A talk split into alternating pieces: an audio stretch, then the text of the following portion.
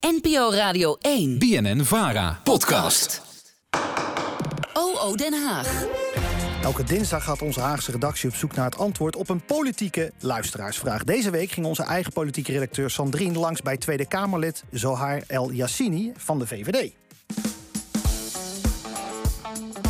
De Nieuws-PV. De vraag Aan Den Haag.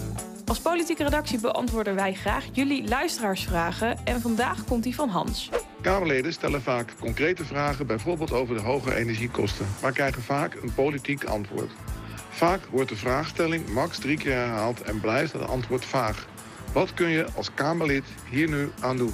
Voor het antwoord ga ik naar Tweede Kamerlid Zoher El Yassini van de VVD. Hij wil wel een boekje open doen over zijn debattrucs.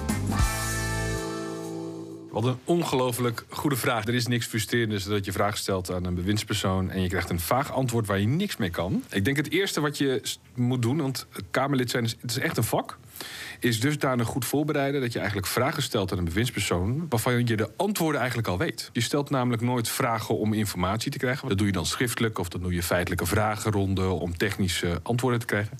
Maar in debat stel je eigenlijk altijd vragen waar je het antwoord al op weet. En dan is het in feite dat je luistert of een bewindspersoon dan het antwoord geeft wat je dus al kent, of dat hij eromheen gaat draaien. En als een bewindspersoon eromheen gaat draaien, dan ga je je tweede en eventueel je derde interrupties gebruiken. Als het goed is om hem iets meer klem te zetten. Maar er zijn wel bewindspersonen die dit doorhebben, toch? Hoe gaat u daar dan mee om? Er zijn verschillende mogelijkheden. Eentje, die gebruik ik niet zo gek vaak, maar dat doe ik wel eens. Is als je geen antwoord krijgt op je vraag en je interrupties zijn op, ja, dan kan je natuurlijk met je staart tussen je benen terug naar je, naar je zitplek. Wat je ook kan doen is tegen de voorzitter zeggen: Voorzitter, we hebben drie interrupties. En ik gebruik ze inderdaad ook gewoon zo min mogelijk. Maar op het moment dat ik een vraag aan het kabinet stel en ik krijg geen antwoorden, dan vind ik wel dat ik eh, eis dat een bewindspersoon de vragen beantwoordt. Zegt de voorzitter dan ook wel eens... nou, dan krijgt u er vandaag eh, vier, eh, meneer El. Er zijn verschillende voorzitters. Sommige voorzitters die hebben zoiets van: oké, het debat is van 10 uur tot 1 uur. Dat is het tijdslimiet wat ik heb. Tik, tik, tik, klaar, weg, hop, het volgende debat. Maar je hebt ook voorzitters, die zitten er wat principiëler in. En die zeggen, dit hoort niet. Zou de minister of staatssecretaris gewoon antwoord willen geven? En dan dwing je ook een bewindspersoon tot antwoorden. Dus En stel, uw in- interrupties zijn op. Kunt u dan ook niet een collega eh, aantikken van... eh, kan je mijn vraag niet even stellen? De tweede optie is inderdaad dat je samenwerkt met collega's. Nou, dat kan natuurlijk binnen coalitiepartijen, maar dat kan ook met mensen uit de oppo- oppositie. We zien heel vaak in het debat, eigenlijk zien ze op de telefoon en lijkt wel alsof ze een beetje aan het, aan het aan spelletjes aan het spelen zijn. Dat is niet waar, want we appen ook gewoon onderling met elkaar. Dus ik kan natuurlijk ook gewoon aan iemand anders appen van joh, wat vind je nou van het antwoord? Want dat is ook een belangrijk punt voor jou.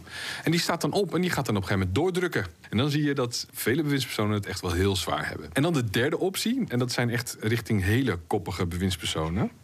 Eh, hebben we altijd het instrument motie. En dan zeg je, nou, voorzitter, ik heb al een paar keer een vraag gesteld, ik kom er niet uit. Dus ik dien een motie in om het kabinet op te roepen dingen te gaan doen. En dat is een constante spel, wat eigenlijk ook wel stiekem heel leuk is. Morgen belangrijk debat op de planning? Ja, morgen gaan we in, eh, in debat met eh, minister Dijkgraaf over de MBO. Dat zijn pittige vragen die gesteld zullen worden.